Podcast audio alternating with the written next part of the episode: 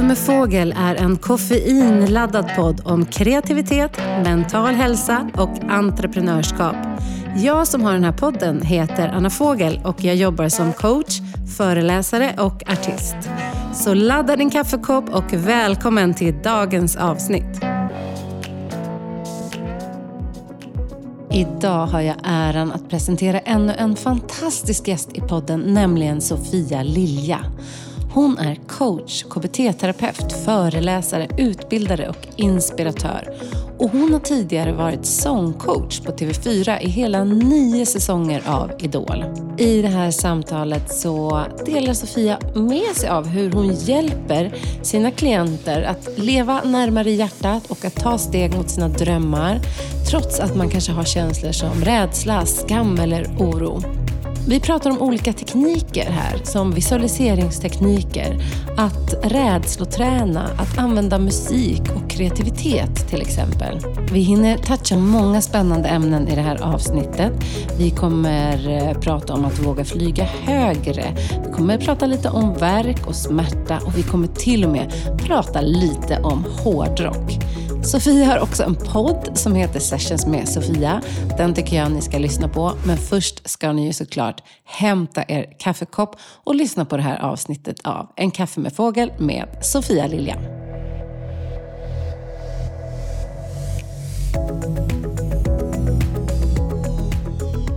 Som sagt, jag har bara en farhåga. Vadå? Att jag inte ska kunna sluta prata. Att, Ah. Att jag har så mycket jag vill fråga. Mm. Men idag så säger jag varmt välkommen till Sofia Lilja. Så kul att du är här. Det är så kul att vara här. Jag sitter just nu och blundar Det går bra. med knäppta Det känns händer och bara, och försöker bara andas och lugna mig, för jag är Mm. så laddad för det här, Anna. Jag har sett så mycket fram emot att få komma hit och få möta dig live. Jag följer ju dig i sociala kanaler, men få möta dig live och få dela tillsammans med dig till alla er som lyssnar. Så fint. Jag är också så taggad så jag försöker också lugna ner min andning lite här på, i den andra micken. För att jag kan ju börja med det som är lite kul, vad du var inne på. Att vi har ju typ inte träffats. Mm. Nej, Eller en gång på Gullmarsplans exakt. tunnelbana. En kortis. ja. Vi sprang förbi varandra. Mm. Ja. ja, för bara några veckor sedan. precis. Men du känns som en person som jag redan känner. Mm, ja, fint. Du med. Ja. Det är det där som är lite lurigt med en del människor som man, som man verkligen säger Ja, men jag vet inte. Jag tycker det är spännande med en del som man följer i, i sociala kanaler, som man kan verkligen, när man då träffas live, så bara Men oj, det känns som att vi verkligen känner varandra. Och du är en sån. Ja. Mm. Och jag har ju följt dig jättelänge eh, i dina olika kanaler. Och nu senast så har jag lyssnat för du har haft så många fina lives. Och jag har varit inne på någon och jag har också lyssnat på din podd Sessions med Sofia. Mm. Och det är lite där jag tänkte vi kan börja samtalet. För att det var en live som jag inte kunde slita mig ifrån. Som handlade om visualisering. Ah. Och jag stod där hemma på kvällen och liksom höll på och lite så här städade i mina garderober och hoppade in i liven samtidigt. Och så bara slog det an, för jag tycker visualisering, det är så otroligt kraftfullt. Mm. Och jag jobbar mycket med det med mina klienter och jag har precis haft en kurs med en designer i Mm. visualisering. Så jag vill bara börja där.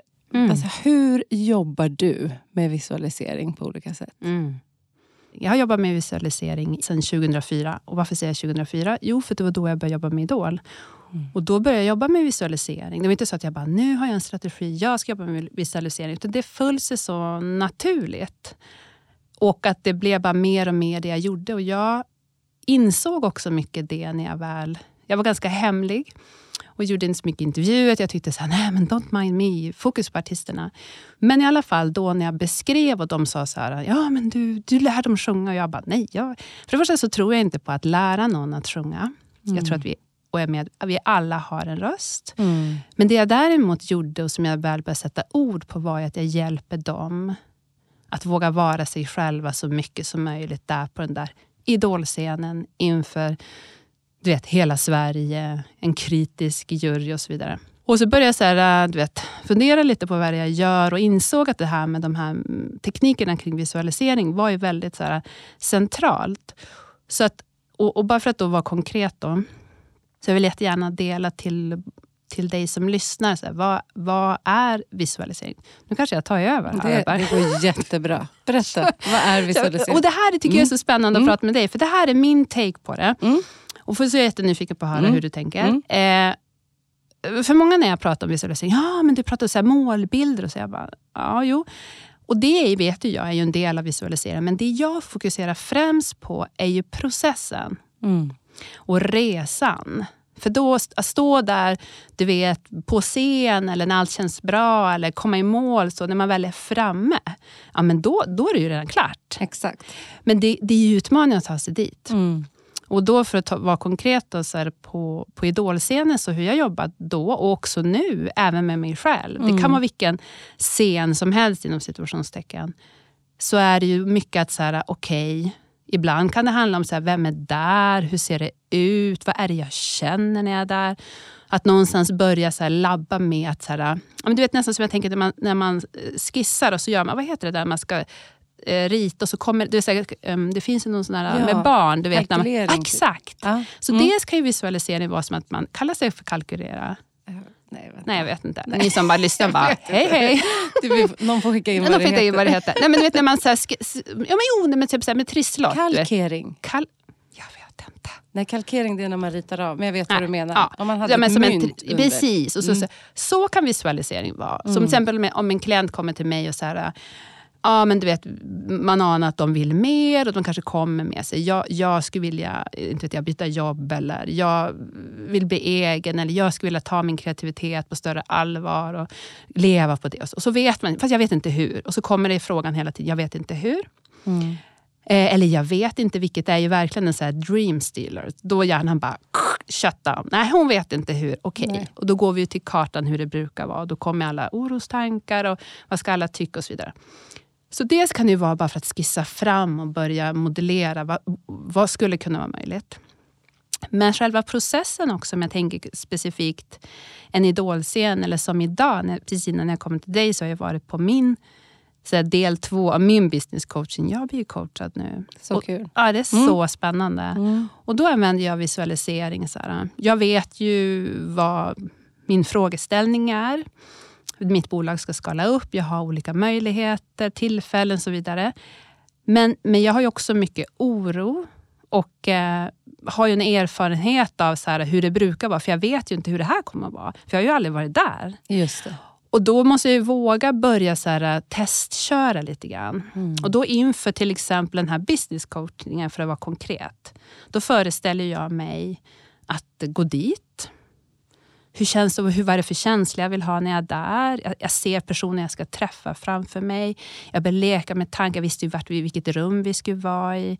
Så har jag med mig min dator? Vad ska jag ha på mig för kläder? Hur känns det i kroppen?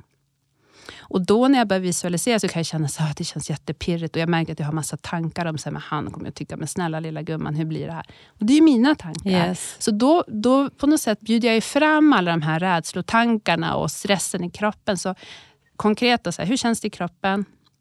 Vart är min uppmärksamhet? Och vad är det jag gör? Mm. Och, och, och, Det som jag kan tycka är så otroligt intressant här är ju, vi visualiserar ju hela tiden. Exakt, Utan det var att, det här du pratade om på liven också. Ja, mm. okej. Okay. Och jag menar, och, så det är därför när man tänker sig, nej men jag vet inte hur man gör, jag kan inte. Älskling, du visualiserar, det är så vår hjärna funkar. Vi, vi börjar ju du vet, som barn, så här, mamma, lampa, mat, för att börja förstå vad, världen och den yttre världen kombinerat med hur det känns i den inre världen. Och så successivt börjar vi skapa som en karta. Ja, men det är så här jag tänker, det är så här jag hanterar det jag känner och då gör jag så här eller inte så där. Så först då i visualiseringen är så starkt att kunna, så här, jag tänker som i Idolerna, då vet de de har en låt de ska göra och så gör vi en visualiseringsövning. Ser dig själv på scen till exempel. Och, då, och så ställer jag lite frågor. De är i ett slags meditativt tillstånd. Hur känns det i kroppen att vara där? Oh, men jag, känner, jag, jag känns jättetryck över bröstet, jag har ont i magen. Eller jag märker att oh, nu kommer jag tappa text, nu kommer jag tappa text. Mm. Och så är det som att man sköljer fram allt. Man tömmer ut, mm. man rensar ur den där oron och stressen. Och sen kommer det intressanta. Hur vill du känna dig i kroppen? Och då kan det ibland vara, jag har ingen aning. hmm, intressant. Skapa lite tid. Ah, jag vill känna ett lugn. Okej, okay, hur känns det? vart känns det lugnet i kroppen? Och så bokstavligen bygger man in. Mm. Så här vill jag känna. Och det här måste man ju öva på. Mm. För det är, det är också härligt. väldigt fint att du låter det andra ta plats först. tänker jag. Det är så viktigt. För att Det kommer inte försvinna för att du Nej. börjar fokusera på Nej. jag vill känna så här. Ah. Du kommer ju ha den, den känsla du har. Exakt. är ju där. Det är väldigt fint att att du lyfter upp den och låter ja. den få... Ja, den men får nu ta rensar vi ut det här, ja. den får ta plats. Mm. Och du, då är jag nyfiken på, mm. för, för, jag är ju bara me, myself and I mm. och människor jag har jobbat, jag har jobbat med väldigt yeah. många. Men, men jag, och därför tycker jag det är så spännande med mm. dig, med tanke på att du också jobbar med visualisering. Mm. Bara, Nej men gud vad spännande. Mm. Vad lägger du din fokus på och vad märker du ger störst effekt och är mest hjälpsamt? Ja, ganska likt din, fast kanske lite annorlunda tillvägagångssätt. Mm. Jag tänker mycket på det här med längtan versus mm. rädsla. Och det vet jag att du mm. pratar om väldigt mm. mycket. Mm. Och att liksom i en visualisering få komma åt sin längtan. Mm. Vilket jag också tänker hänger ihop med att vara i sin kraft. Mm. För det är att våga se sig själv, kanske lite upphöjt. Ja. Eh, kanske på ett sätt som inte kommer naturligt men som fortfarande är en del av dig. Så jag lägger liksom mycket kraft i att formulera mm. en längtan. Mm. Eh, på olika sätt. Och nu när vi hade den här kursen var det väldigt häftigt för då mm. jobbade vi ju först med väldigt många olika tekniker. Alltså som Charlotte som är designer. Men ja. Man kan jobba med en moodboard eller ett mm. collage. Mm. Eller vi kan jobba bara med ord. Eller, mm. men ändå, eller i en meditation. Eh, men att liksom få fatt i längtan. Ja. Men sen tror jag att det är jätteviktigt att se vad står i vägen? Ja, vad, vad, står i vägen? Vad är det som gör att jag inte riktigt vågar gå in eller ja. vågar tro på att det här ska hända? Ja. Så där jobbar vi väldigt lika. Mm. Att liksom både, mm. både längtan ja. och rädslan ja, ja. Verkligen. får plats i rummet. Mm. Uh, otroligt häftigt. Sen har jag jobbat otroligt mycket med vision boards själv. Det. Och det är lite intressant med det, för att jag har aldrig sett mig själv som en så här, visual thinker. Mm. Jag har alltid tänkt att jag är en textmänniska. Just det. Men sen har jag märkt när jag har jobbat att jag älskar att hålla på med design och färg och form. Ah. Och jag har alltid hållit på med vision boards. Ah. Och jag tycker det är lättare att få tag i en dröm när jag mm. har det på en vision board än om jag bara skriver i text. Just det, med bilder alltså? Ja, med ja. bilder. Mm. Uh, så det har, bara för egen del, ja. varit ett väldigt kraftfullt visualiseringsverktyg. Just det. Men sen också att gå in i mer liksom meditativa, mm. vad, vad ser jag, vad känner mm. jag, de processerna. Mm. Men det som har gjort stor skillnad i mitt liv, det är mm. att ha min visualisering fysiskt. Just det, framme. Framme, mm. på min garderobsdörr eller ja. liksom på min, ja. min vägg. Och ja. jag har blivit förvånad många gånger mm. över kraften. Jag bara, hur gick det här mm. till? Mm. Hur sitter jag med ett hus mm. med gångavstånd till en brygga? Ja, det har funnits på min vision board ja. i tio år. Exakt. Ja, det är så häftigt. Så. Alltså den kraften i visualisering, jag tänker det är kraften i våra tankar, är ju oändligt stark. Exakt. Jag håller i en kurs som heter Creative Minds i samarbete med Fryshuset. Och där igår, nu har vi haft ett tema den här veckan som har haft med känslor och, och vi har pratat mycket om och kraften, alltså hur vi hanterar våra känslor och hur kan vi skapa en annan känsla trots att vi har den första så att säga.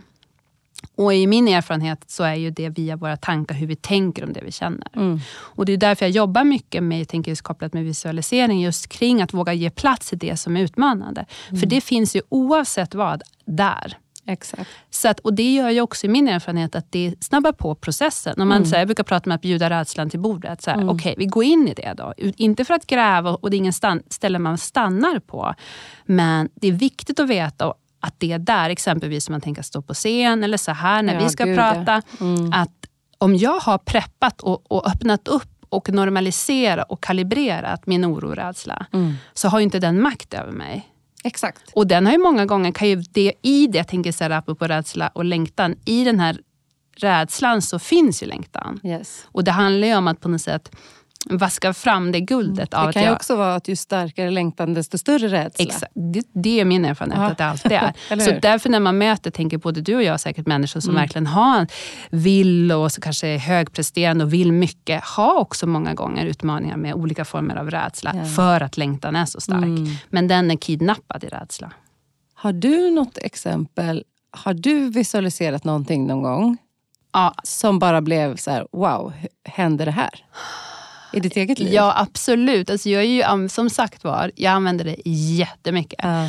Och precis nu när jag bara sladdade in här så har jag precis varit på en session där jag har börjat på en, en coachning med en person som är helt fantastisk. Och jag har ju visualiserat det. Mm.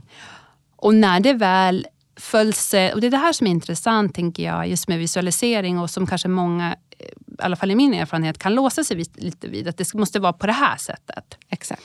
Utan mer så här, men hur vill jag känna? Vad är mitt syfte? Vad är det jag längtar efter? Vad är det jag behöver? Att på något sätt labba på med det. Och så är plötsligt då när den här personen damp ner, bokstavligen från ovan, eh, så blev det så här, nej men, det blev så mycket bättre än vad jag ens hade vågat och kunnat visualisera. För någonstans när vi visualiserar så går vi ju in i, i, i tanken av att stretcha vårt mind. Och att bara våga vara i det och leva i det. Och så sen så händer det något och då är jag redo för att ta emot det. Och sen blir det ännu kraftfullare. Och då blir det, jag tänkte på det idag, det skrev jag också i min story, att det känns som att jag och det kan relatera till med klienter, att, att träna på att leva och flyga, vi brukar prata om att flyga, på högre breddgrader. Man behöver ju acklimatisera sig och det är en annan typ av luft, det är en annan typ av vind, en annan typ av du vet, att inte få svindel och öva sig på att vara, flyga större, tänk, drömma större.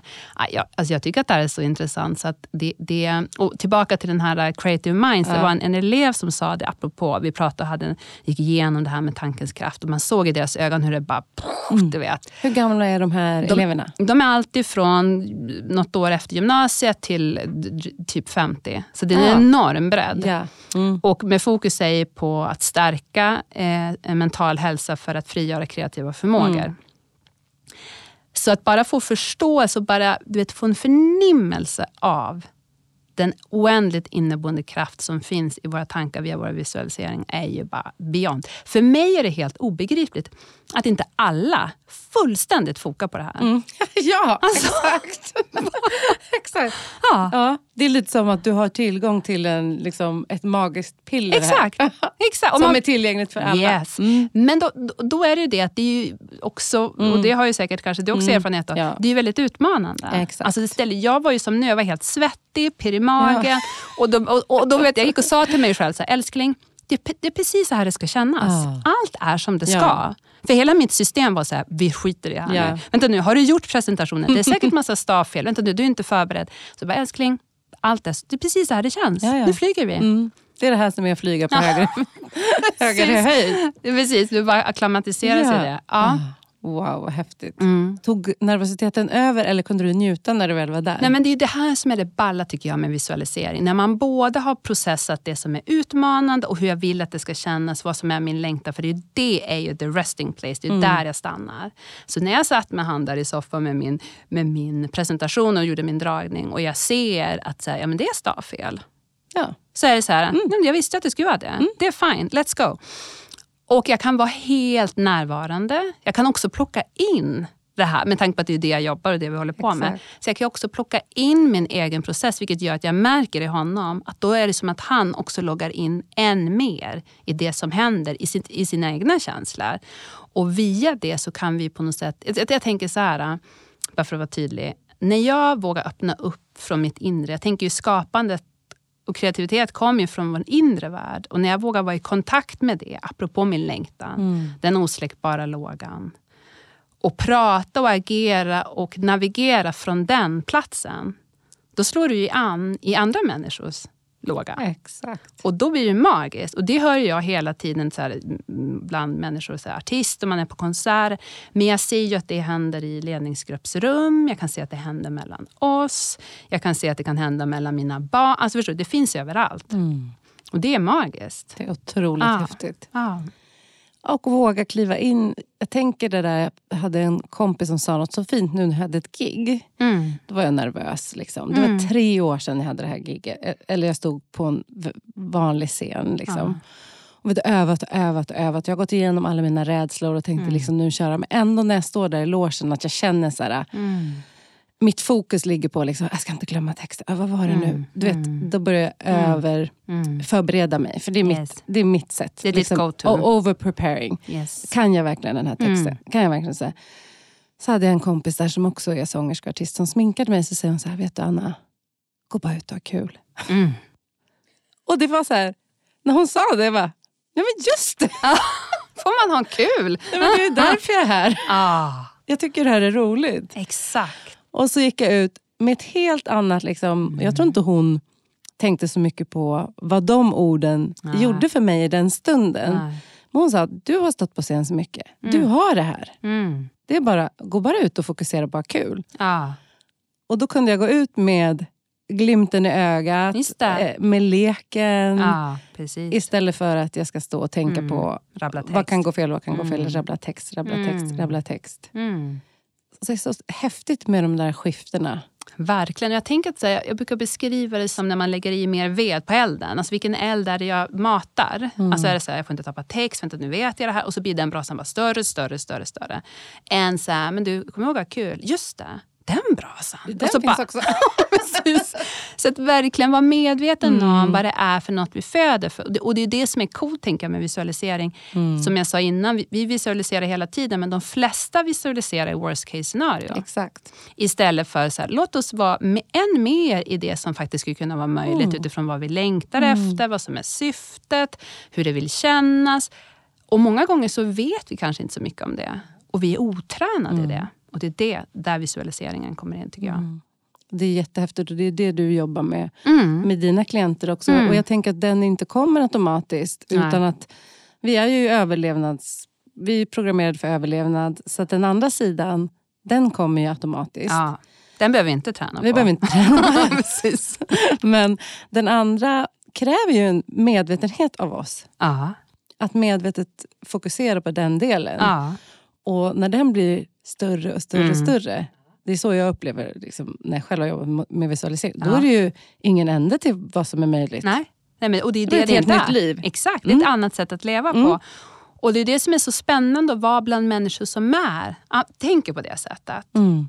För de har ju det på något sätt i sitt så här, psykologiska DNA. Yes. Ja, men och det är lite så med han som jag, som jag blir coachad av. Alltså han, han är redan på den breddgraden. Ja. Och då bara så här, toppen, kan jag få flyga med dig? Mm. Och, så, och så är man i det. Och, och därför då, för att vara, jag, jag gillar ju att vara superkonkret. För det är så lätt det kan bli så här Mm. ja, det är luddigt. jättebra. Mm.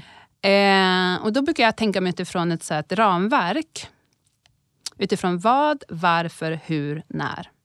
Så här klassiskt. Mm. Så, så här, vad är det jag ska visualisera? Som i mitt fall, nu är det ju för att jag är i, i läge att skala upp i mitt bolag. Det kan vara att man ska ha, jag tänker som du sa, ett gig. Mm. Det kan vara att man ska, ha, ja, men man ska ha en föreläsning eller att man ska söka ett jobb. Whatever. Det är en situation man ska göra. Och då är det här, och varför att det är så här, varför ska jag ens göra det här? Och det kan ju många fastna i, ja herregud, varför ska jag göra det här? Det undrar, det undrar jag också. Ja, och då kan man behöva så här, att, så här, skala löken till sig sin längtan. Och så här, ja, men lek med tanken då. Jag brukar använda det så här, om allt var möjligt. Du vet att det kommer att gå bra. Mm. Vi har bestämt det. Det kommer att gå bra. Det kommer att bli som du vill. Så hur vill du ha det? Mm. Och då börjar man vara, apropå som du sa med leken och fördjupa. Så det där varföret, den där längtan är ju så fruktansvärt viktig. Mm. För rädslan kommer komma. Ja, ja. Och då gäller det att verkligen ha det där, träna sig längtan starkare än sin rädsla. Och sen behöver vi också öva på det här. Och det är där många så här, nej men jag, jag, jag kan den där låten, det, det, det där funkar, vi tar det där sen. Nej men Ja. jag ska inte förbereda. Alltså börja, för att man är ju, det kommer den där rädslan. Och bara så här, hur blir det här? Ah, Vi tar det sen. Mm.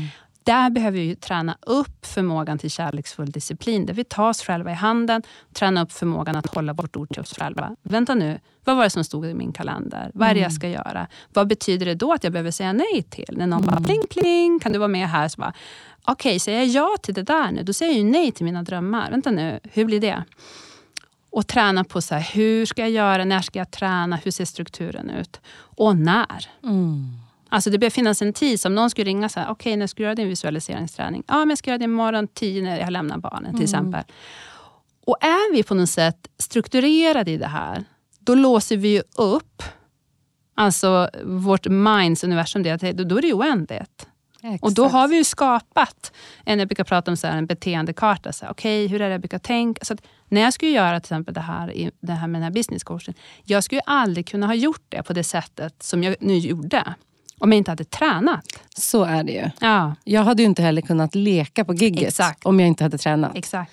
Jag, jag tränar ju jättemycket för ja. att kunna leka. Exakt. Alltså, för att jag vill ha det i ryggmärgen. Ja, precis. Och sen kan saker gå fel ändå. Ja. Men, men i alla fall ge sig själv de bästa förutsättningarna. Ja, precis.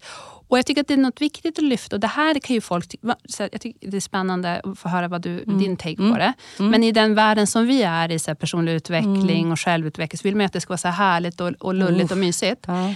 Men att det var obekväm. Mm. Det bara, åh, jag vet inte. Och det är många som, som, som vågar vara det och de kan skapa eh, magi. Mm. Så jag vill också vara supertydlig att det vi pratar om är ju ganska obekvämt. Ja, ja.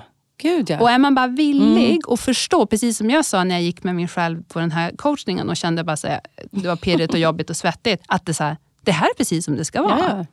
Det är inga konstigheter. Och, och kan träna mig i min emotionella reglering och skapa ett nytt narrativ, alltså nya hjälpsamma tankar om det jag upplever. Mm. Så kan jag ju hantera vilken nervositet som helst. Mm. Men det är ingenting man kan... Många vill ju, upplever jag, och jag har been there, done that, gå från noll till hundra. Mm. Det är därför jag pratar jättemycket om myrstegsprincipen. Mm. Att ta de här små stegen.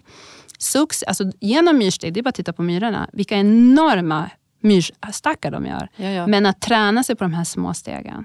Ja, otroligt viktigt. Och mm. också för att inte tänker hamna i total panik. Nej, exakt. Alltså för att vi, om vi är liksom i en utvecklande zon eller ja. om vi är panikzon. Ja. Det är en sak att känna lite pirr. Och, ja, det är en sak jag tänker så här, man kanske inte går från aldrig ha stått på scen Nej. till att kasta sig ut på Nej. idolscenen. Nej. Det kanske är bra att göra några små saker först.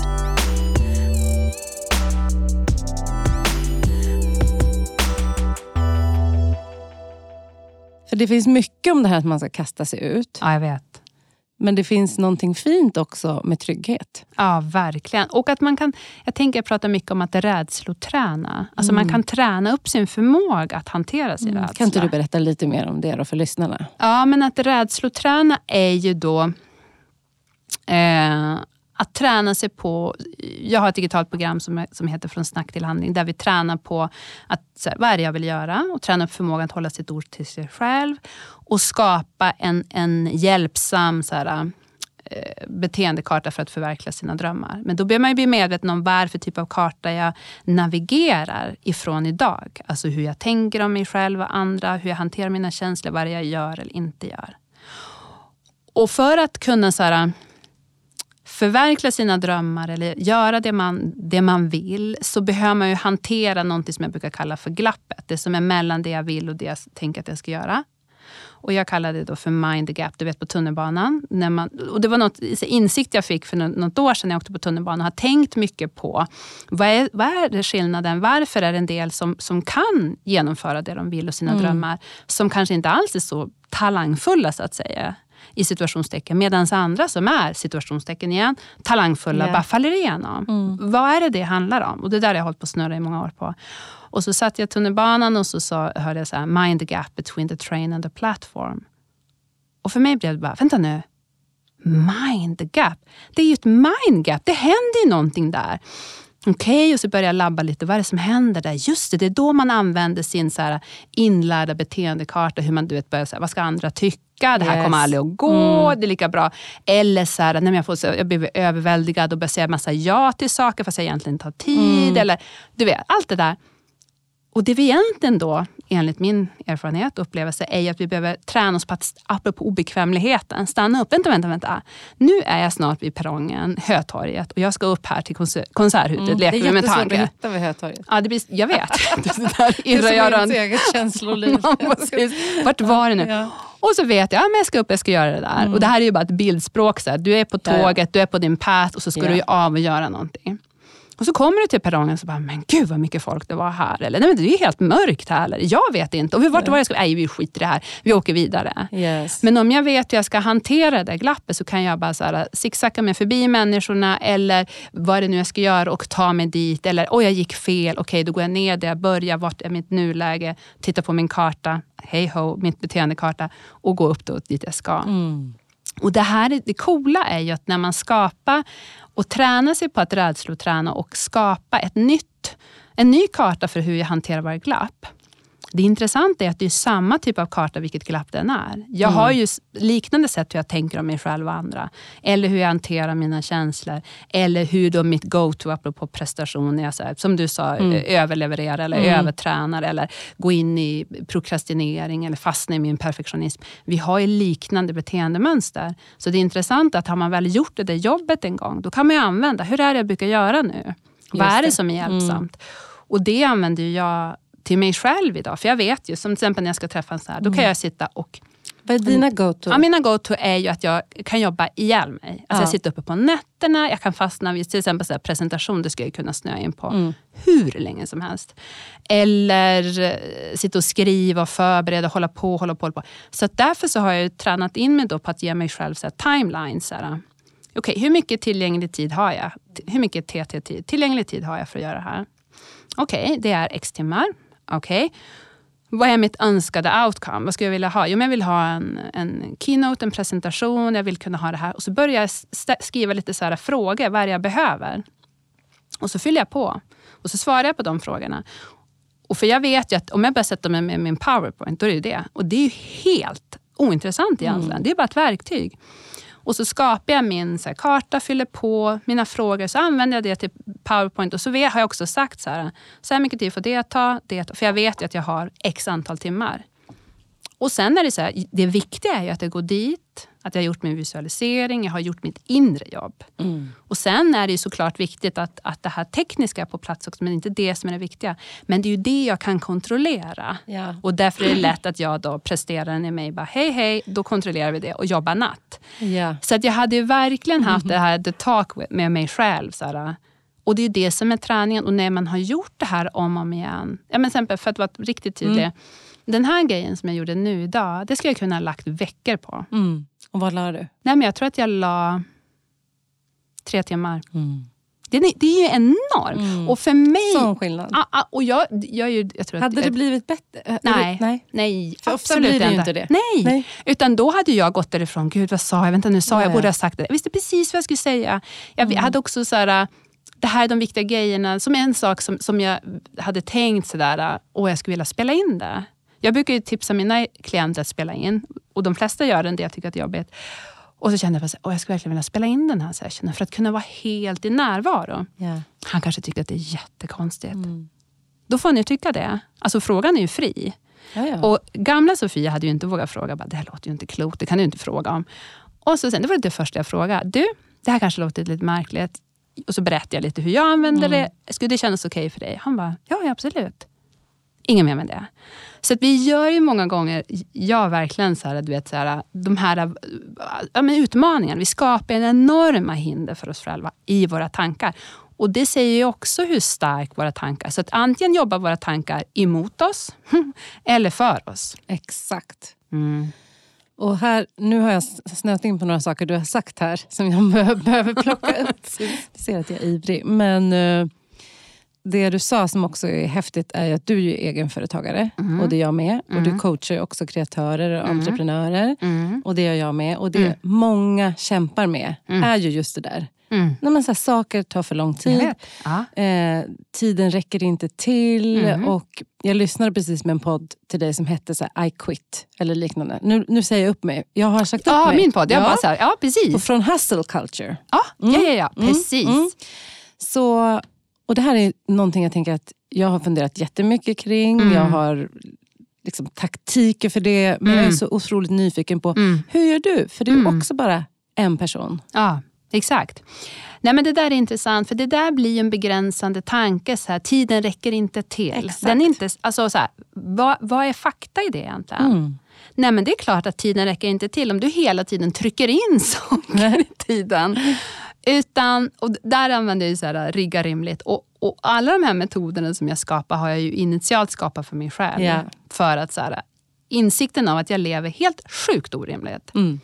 Och vem är det som får betala? Jo, det är ju jag Mm. som släpar där under bussen. Nej, det är slut med det nu. Och då det här med att I quit, jag, Mm. jag säger upp mig. Uh, vi hade en klient som smsade, vad ska du sluta? Jag bara, nej. Hon hade bara läst rubriken. ja, men det var.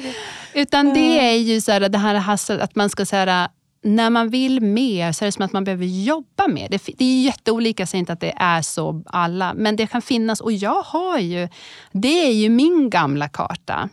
Gör mer, ta i hårdare. Och, och det är också min, eh, när jag har tagit i hårt så kan jag känna så här, där satt den. Så ibland kan jag få nästan en kick av att sitta och jobba på Mm. Det natten. är du inte ensam om tror jag. Nej, och jag vet. Och det är det man behöver. Så här, jag behöver ju stå ut med att nej, men nu är klockan halv tio, nu går vi och lägger oss. Och eh, att också, så här, uh, det finns så mycket jag skulle vilja säga om det här. Ehm, Jag sa ju det, det, en, det enda farhågan är att vi kommer vilja prata i flera timmar. nu känner jag bara att vi ska gå in i det, det, det. det. Ja. Nej, men, så här, jag jobbar super mycket med eh, time mastery. Alltså hur, hur jag äger och styr min tid. Tiden styr och äger inte mig. Det är så det första. Och samma sak med mina tankar. När det då, och vi lever ju... Alltså även om jag lever och har en en erfarenhet av att leva orimligt så är det ju utifrån ett samhälls, alltså ett kulturellt perspektiv. Eh, absolut. Och än mer tänker jag kopplat med att man ska vara både här, där, pling plong, hej ho. Så att det handlar ju om att, så här, att stå, jag pratar mycket om att stå ut, men att stänga ner. Mm. Att stå ut med att nej men jag är, just nu så, så får man inte svar på mejlen en timme eller kanske en samma dag. Eller ibland inte ens samma vecka. I vissa perioder är det så. Och det behöver jag stå ut med. Det är så bra, för det, jag jobbar exakt på det sättet. Ja. Och upplever att det är det jag måste göra. Mm. För att jag kan inte tänka att jag alltid ska göra klart allt till exempel. Exakt. Alltså tills att jag upp, utan jag kan ibland behöva säga att min arbetsdag slutar den här tiden. Ja. Och det spelar ingen roll om du är klar, om det inte är liksom en leverans nästa dag. Nej, precis. Men jag tror att som soloföretagare så kommer ju aldrig min lista vara klar. Nej. Och vet du, det där med lista tycker jag är så spännande. Ja. Apropå Mm. to-do-list. Mm. Dels så brukar jag göra, jag brukar fokusera på en resultatlista. Mm. Alltså vad är det för vi- vilka resultat är det jag jobbar mot? För to-do-listan den kan ju vara Hur oändlig. lång som helst. Ja. Och jag brukar också ibland när jag märker att jag blir så här händelsestyrd och håller på alla möjliga, då brukar jag så här inför dagen, när jag vet att nu, nu, behöver vi verkligen leverera de här grejerna. Och då brukar jag göra en natt to-do-list. Alltså det jag Mycket vet, bra. det här, det här finns risk att vi oh, håller på med. Så vad är det vi inte ska göra idag? Och det kan vara så skönt att bara, jag ger mig själv tillåtelse att inte kolla mejlen. Mm. Jag ger mig själv tillåtelse att eh, stänga ner alla sociala kanaler. Jag ger mig själv, och så så. Och då så ibland kan jag bara säga, vänta nu, nu är vi ju här i alla fall älskling. Vi ska ju stänga ner. Så att man får ju träna, det går inte från noll till hundra. Men att ge sig själv tillåtelse att stå ut i det. Att, men det är det här. Och just nu, precis både du och jag, vi är ju vi. Både så här, som jag skrev på story i morse, så här, nu är det så här, visionärshatten är på, entreprenörsbrillorna på. Ja, men då är det en sån dag. Och då riggar dagen för det. Mm. Och en annan dag sitter jag med klienter från nio till till nio på kvällen. Och då är det det. Så att jag försöker verkligen, och det, det kan jag tycka är så... Ja, men jag mår så bra när jag ger mig själv utrymme att så här, vara i, så här, i olika fokuszoner. Ja, men nu är jag fokus på det här. Då kan jag gå all in i det. Och nu är jag fokus på att vara helt närmare mina klienter. Då är det det. Eh, och det är ju en ständig eh, alltså lära. Det är ju inte så att allt bara whoop, nu löser det sig. Utan jag måste ju hela tiden, apropå hålla mitt ord till min själ, börja dagen med så här, okej, titta på min planering. Vad är viktigt? Vad finns det för utmaningar just nu? Eh, vad är det som har tillkommit som det jag behöver vara flexibel? och Okej, det vart inte som jag hade planerat. Det blev så här istället.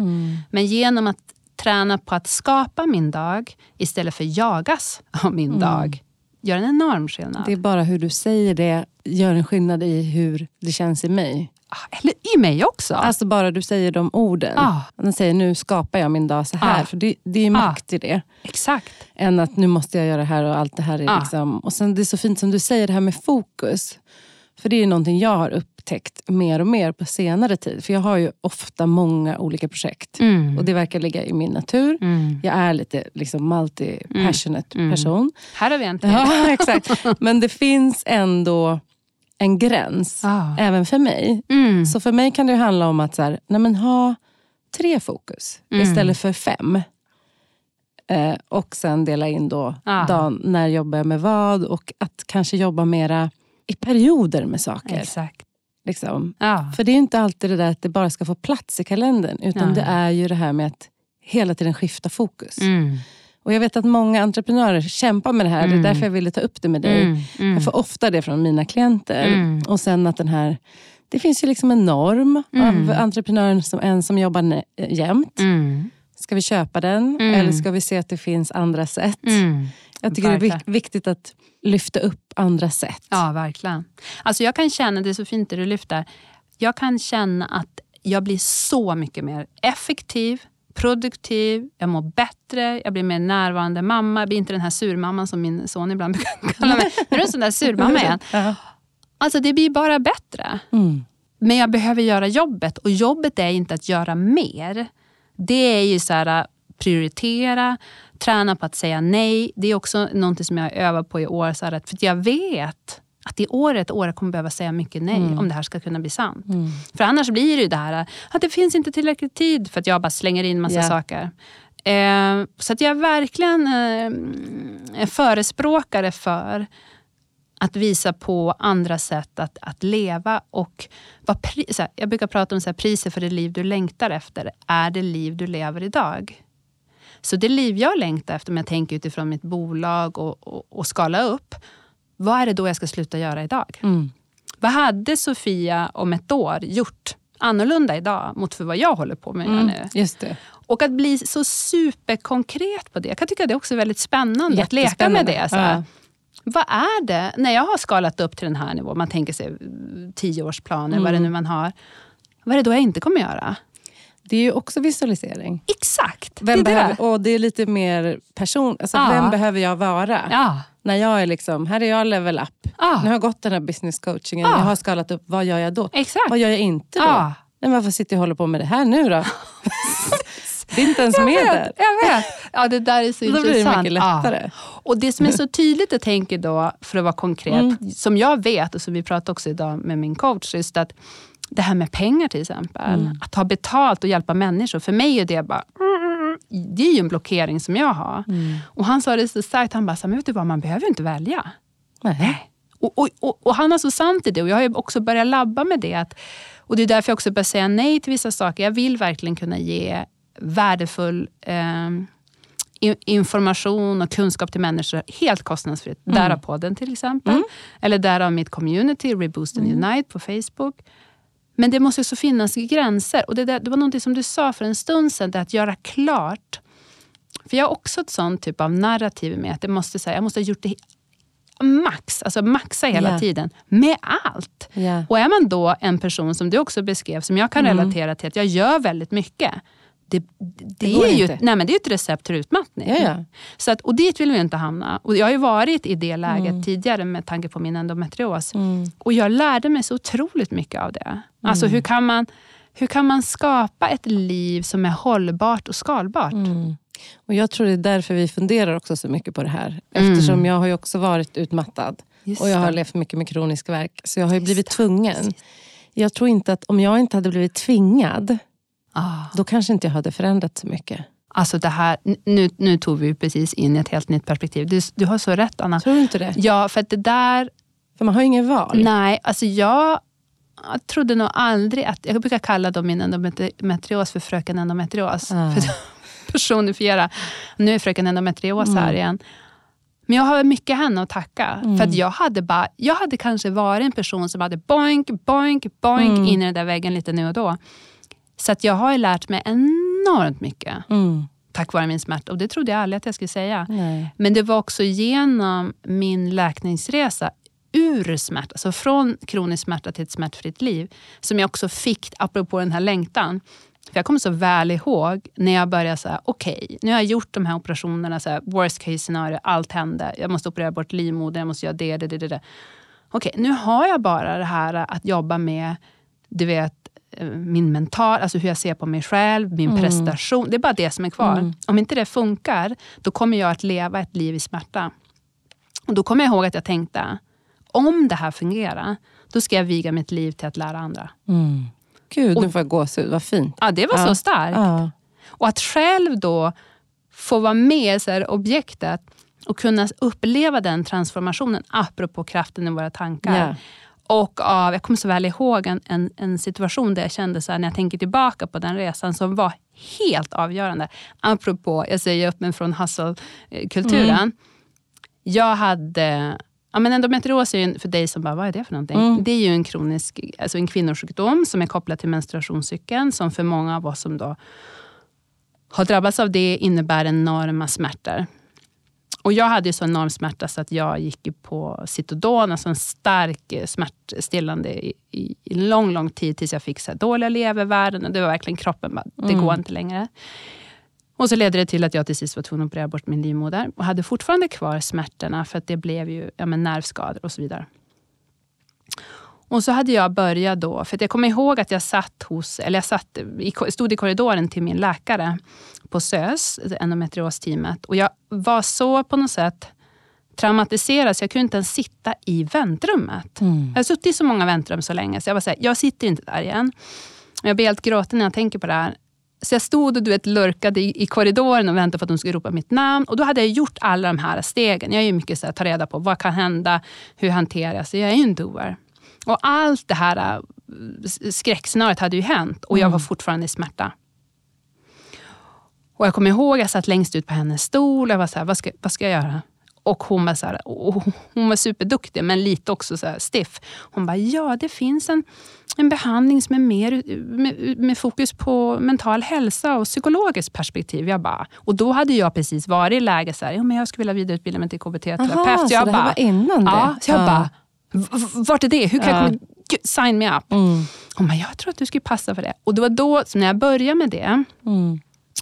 och fick så mycket nya verktyg och insikter också om kopplingen med, med kropp och knopp. Mm som jag kände, så här, det här, tänk om det här kommer att funka. Och så satt jag hos min psykolog och så hade jag haft de här upplevelserna som kanske du kan relatera till. Så här, någon bra dag och så sen pang händer det något och så två dagar ännu sämre. Och så höll man på. Jag bara, nej men alltså det var ju inte det här jag hade tänkt mig. Och så satt jag hos min psykolog och, jag satt längst ut på hennes stora fluffiga eh, stol. Och jag kommer ihåg solen lös mig i ansiktet så jag hade svårt att se henne. Men jag var, jag var så pressad.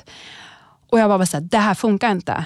Det funkar inte, jag kan inte hålla på så här. Och så hon bara, så här, berätta. Och hon hade finlandssvenska, en superhjälkvinna. Hon bara, berätta mm. om din dag. Och så berättade jag och så, och så, så, sa jag väl någonting då hur jag apropå höll mm. på. Du vet, där var ju listan kilometerlång, yeah. dagar när man mådde bra. Det bara, yeah. fom körde jag. Och så körde jag mig själv däck.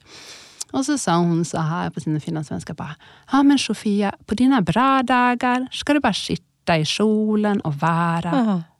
Och jag var så här, du skämtar du med mig? Nej, jag ska inte göra det. Jag kan inte sitta där. Nej. Och, eh, men då, så här, okej. Okay då gör vi det. Och jag blev så provocerad också av henne, för jag tyckte det lät så enkelt. Mm. Och så kom mm. jag hem och så såg jag den där himla solstolen och så jag bara, okej okay då, vi ger det två veckor. Då ska jag sitta i den där jädra solen. Mm. Och vet du vad, i den där stolen så hände transformationen.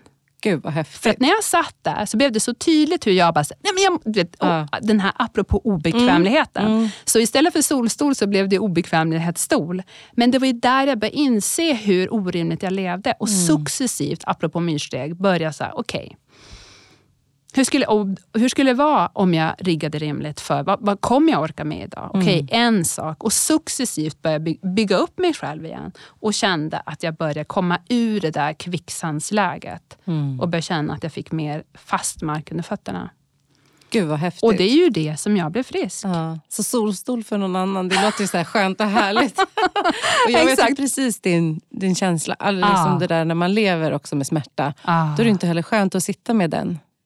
Exakt. Det är ganska lätt att ja. man vill aktivera sig. Ja, eller hur? Och hur, hur, med din, din erfarenhet med smärta, hur, hur... Ja, jag kan berätta den. Jag ska mm. försöka lite snabbt. Mm. Eh, jag tror att det här kan vara intressant att höra om, för det är mm. ingenting man pratar om så ofta faktiskt. Mm. Och Jag pratar inte just nu om det så ofta. Mm. Eh, men min erfarenhet med smärta är ju att jag har ont varje dag. Mm. sedan 20 år tillbaka. Mm. Mm. Dygnet runt, utom när jag sover. Inte på liksom nivå 10 just Mm. nu, utan kanske mer som en, en liten mensvärk hela tiden. Mm. Alltså som ett mol. Mm. Mm. Och det kommer sig av olika olyckor och skador som jag hade på dansen.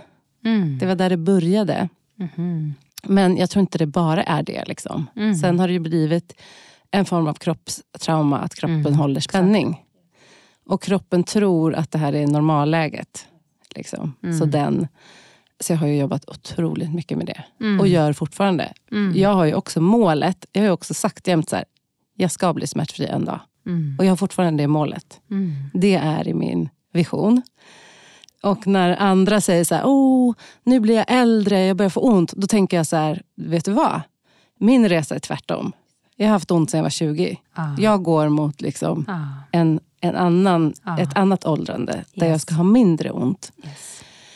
Men med det sagt, det är ju otroligt... Apropå liksom med prestation och jobb, Mm. så tycker jag att det, har varit, det är svårt Mm. att vara en person med jättemycket driv Ah. och ha en kropp som inte vill.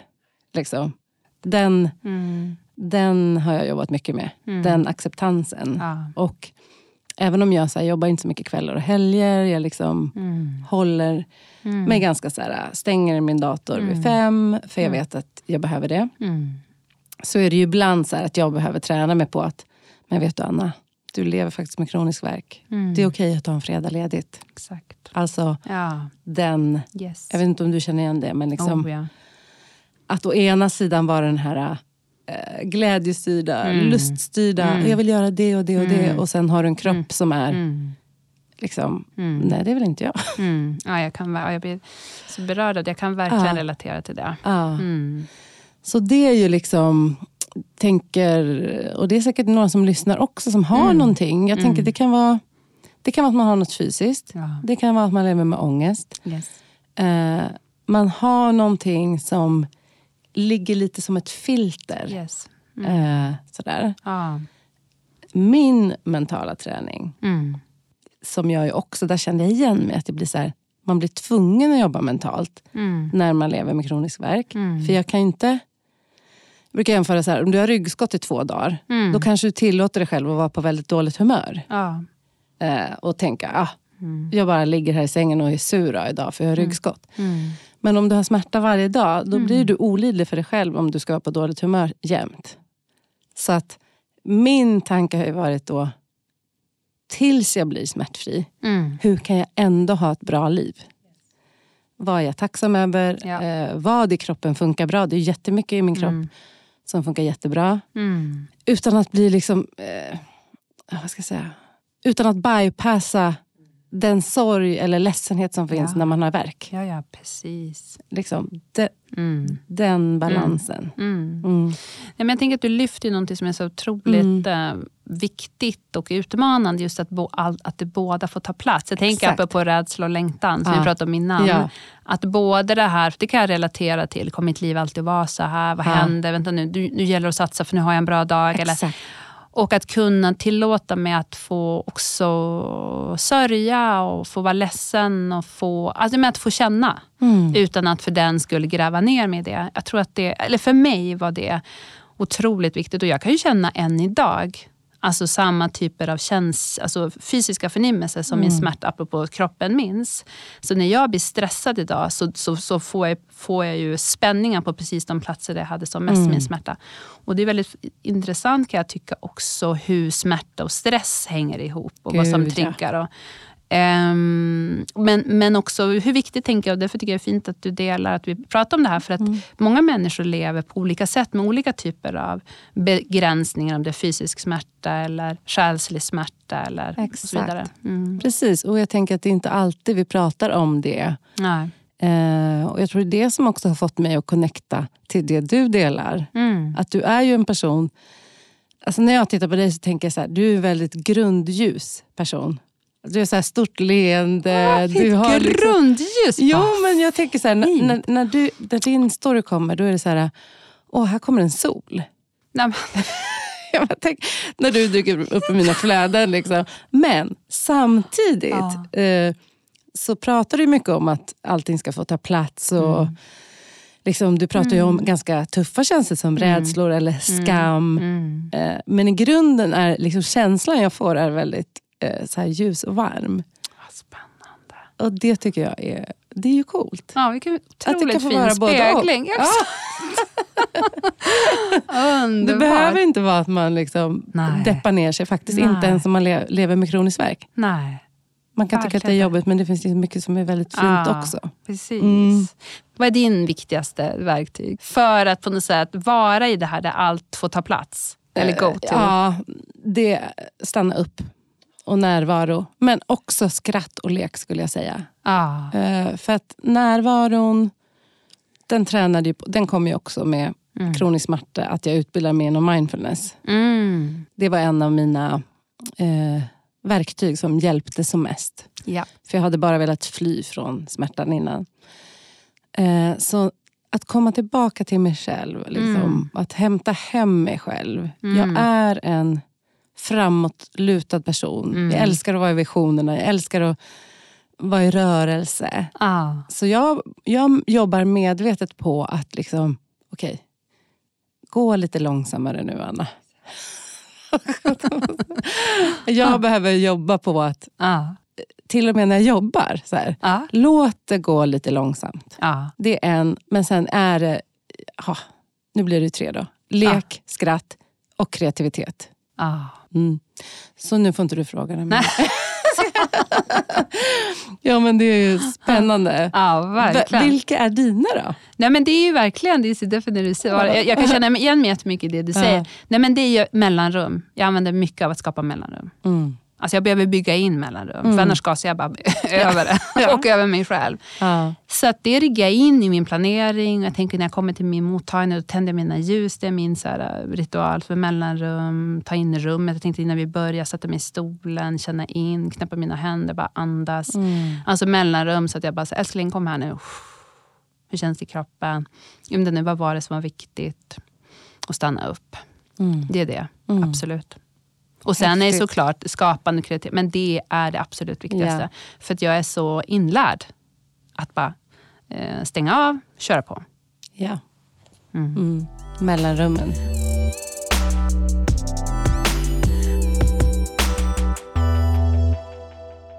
Apropå mellanrum Ja. eh, och kreativitet. Du och jag har ju också någonting som inte alla coacher eller terapeuter har och det är ju kreativiteten. Så jag tänker att jag kan ju inte ha det här utan att prata om kreativiteten. Ah. Så vad betyder kreativiteten för dig? Mm. Åh, vilken spännande fråga. Kreativiteten betyder för mig förmågan att skapa. Mm. Och eh, jag ser ju oss alla som kreatörer. Alltså att vi alla har ju en förmåga att skapa eh, vår dag, skapa vår stund. Men av olika anledningar så lever vi ju sällan så. Mm. Så det, för mig är kreativitet väldigt så här, existentiellt. Att jag skapar, jag lever. Jag är skapare, jag är, del av, jag är en del av skapandet. Och det blir också, för mig finns ju det ett andligt perspektiv i det. Mm. Så dels är det ju det, eh, som en del av min andning. Jag andas, jag skapar. I create. Och jag har en sån sägning som jag ofta eh, går till. I create, therefore I heal. Apropå kreativitet och mental Mm, hälsa. Och sen vänder jag på det. I, I heal, therefore I create. Så det finns ju som en växelverkan i det. Eh, så för mig är det ett, mitt, ett, mitt sätt jag lever på. Mm. Mm. Du skapar din verklighet. Ja. Och hur, hur jobbar du med kreativitet med dina klienter? Mm. Ja, men där jobbar jag. Jag ser ju på något sätt hur de gifter sig, den kreativa processen och den terapeutiskt själsliga terap- eh, processen. Så att det är ju apropå det vi har pratat om idag, så här, vad jag längtar efter, vad är det som slår an i mig? Det är ju att slå, komma i kontakt med min inre värld. Jag brukar prata om den inre världen likt en skog, själens skog. Och i själens skog så finns det en glänta. Du vet, när man är i sammanhang där man känner att allt bara, du vet, det bara flow, det bara känns toppen och top of the world. Så tänker jag att då är man i sin glänta i själens skog. Och i den där gläntan så finns det en källa, kreativitetens källa, livskälla. Så då sitter man ju bara plaskar runt där och bara, bara skapar allt det möjligt. Man bara, och så när jag är i den källan då Ja. och vågar skapa och kommunicera till den yttre världen från den platsen, ja, men då slår det ju an i din källa. Ja. Så är du din kreativitetskälla och så bara händer massa saker. Och det är därför det är ibland vissa människor man bara, gud det är så härligt att jobba med henne. Jo, men det är för att vi sitter och plaskar i Ja. våra kreativa Och så ibland kan man tycka så här, plaskar med bara plaska runt. Och så ibland vissa man bara, så här, det funkar inte Nej. alls. Nej, men det är för att de är bara helt stängda. plaskar och- inte de, så de, de mycket. plaskar inte så mycket. Vilken bra liknelse. Eller hur? Och då... Och då ehm, så, så att få kontakt med det. Och det jag tycker då är spännande då utifrån ett terapeutiskt perspektiv. Jag ser mig ju själv som terapeut, att jag går tillsammans med min klient. Klienten håller i sin, sin osläckbara låga likt en fackla. Och för en del har ju den nästan släckt, så det handlar om att tända upp och våga gå in i själens skog. Och så successivt följa klienten tillbaka till sin glänta. Och att kunna hitta du vet, de här äh, stegen, vad, vad är det för berättelser? Hans och Greta, du vet, när de lämnade såna här eh, stjärnstenar, eller månstenar för att kunna hitta tillbaka till sin glänta. Ja. För jag ser ju någonstans, jag brukar tänka att kreatören är du vet, the gatekeeper mellan den inre och yttre världen. Och vi, läkningen handlar ju om att våga få kontakt med sitt inre, apropå obekvämlighet, apropå mind gap. För när vi är i glappet och vågar stå ut i obekvämlighet, vad händer då? Jo, då landar vi rakt ner i den där gläntan. Varför, varför ska jag göra det här? Vad är det som är viktigt? Ja. Successivt kommer jag tillbaka hem och helt plötsligt sitter jag där och plaskar.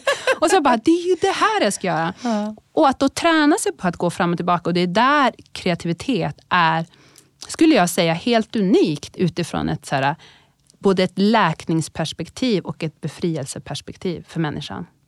Verkligen. Mm. Så bra form- formulerat. Du använder så himla fina metaforer. Ja, vad härligt Ja, det är som att jag sveps med i en, Ah. en så härlig saga när du pratar.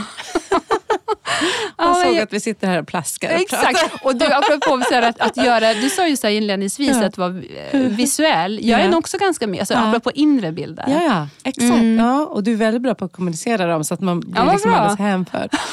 Men du, eh, din egen kreativitet, för du har ju också, du sjunger ju. Ja. Gör du det fortfarande? Ja, men vet du vad? Jag och min man har ju ett artistprojekt som heter Nubian Rose och vi kommer Är ni fortfarande på G? För det vet jag att det har ni haft länge. Jo, men det har vi haft länge och så har det varit här, perioder. Mm. Och nu, vi gjorde ju den tre... Så här, efter platta två så kände jag bara så här, nej men nu, nu räcker det, nu är vi klara. Och så han bara okej. Och så satt han ändå och skapade och så gick man in du vet, i studion. Man bara, vad är det här för något? Ska inte vi bara... Mm. Och så började jag sjunga. Han bara successivt. Han visste ju så här, ska vi göra en platta till? Jag Ja. bara, ja men okej. Ja. Så då gjorde vi det 2019. Som också var mycket mer... För det här är ju ett hårdrocksband. Det är det som är lite roligt. Mm. Är Eller- det din genre från början? Nej men du, åh, det där är ju ett helt eget avsnitt. Alltså, det, Det är inte det?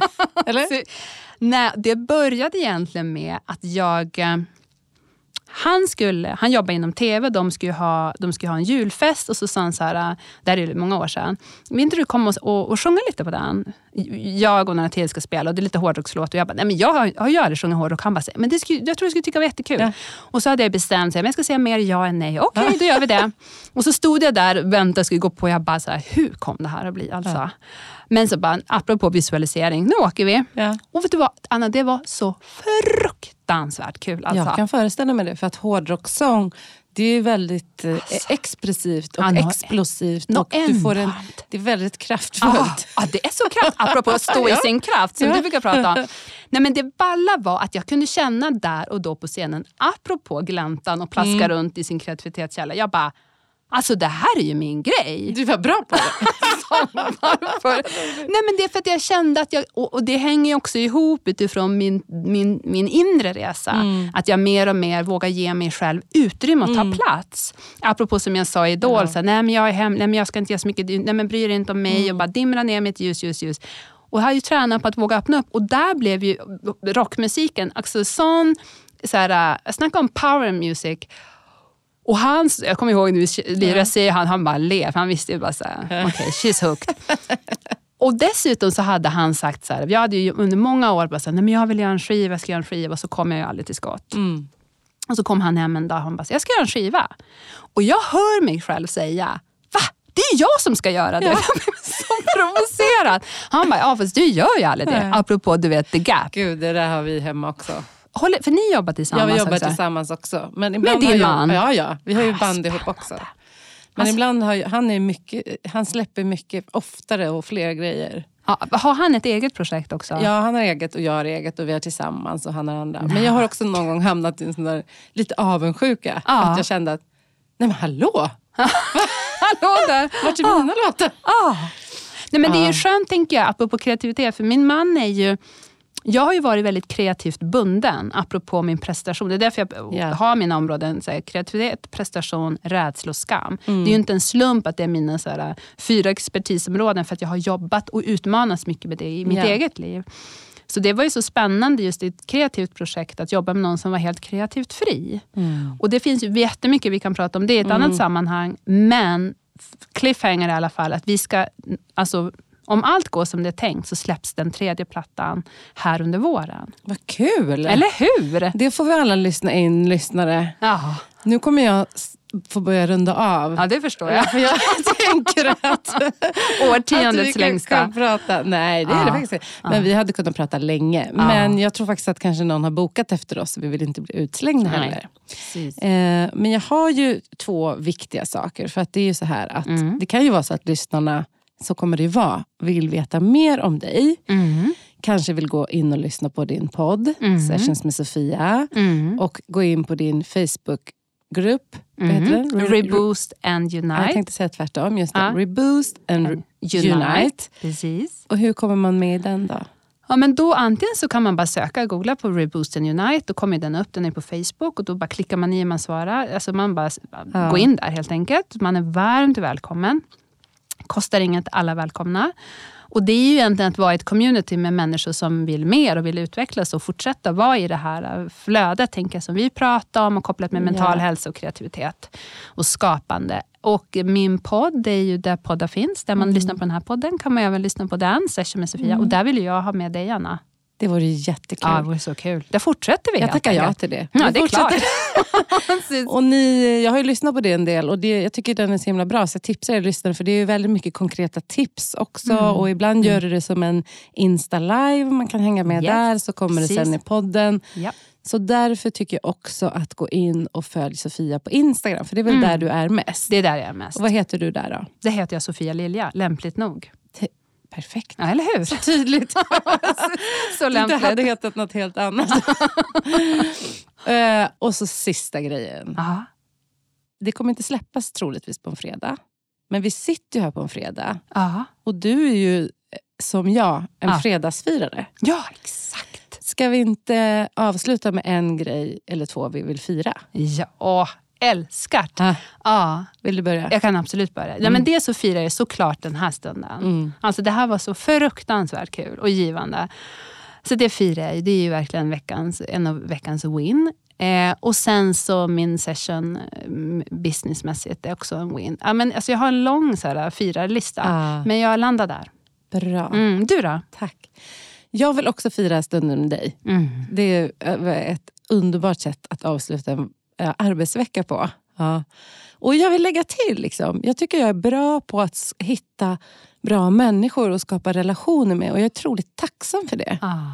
Så det är också en liksom, landning i tacksamhet. Mm. För den här stunden Mm. och för härliga människor Mm. som jag får lov att hänga med. Mm. Mm. Verkligen. Och nummer två, jag firar vår omsättning i vårt bolag. Nej men grymt! Apropå Som pengar. har höjts, som har dubblats. Nej, från, är det 22, så? från 2021 till 2022. Jag eh, ska, vill bli bättre på att också fira ekonomi. Mm.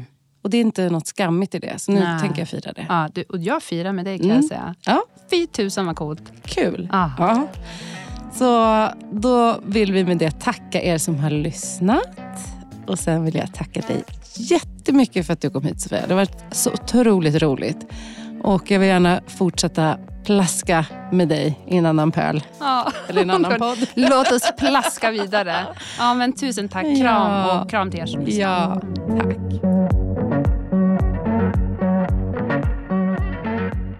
stort tack till dig som har lyssnat på podden En kaffe med fågel idag. Jag vill tipsa om mitt nya gruppcoachingprogram som drar igång den 26 april. Make business, stå i din kraft som kreatör och entreprenör. Det handlar om att våga ta plats så att vi kan nå ut till rätt kunder och människor.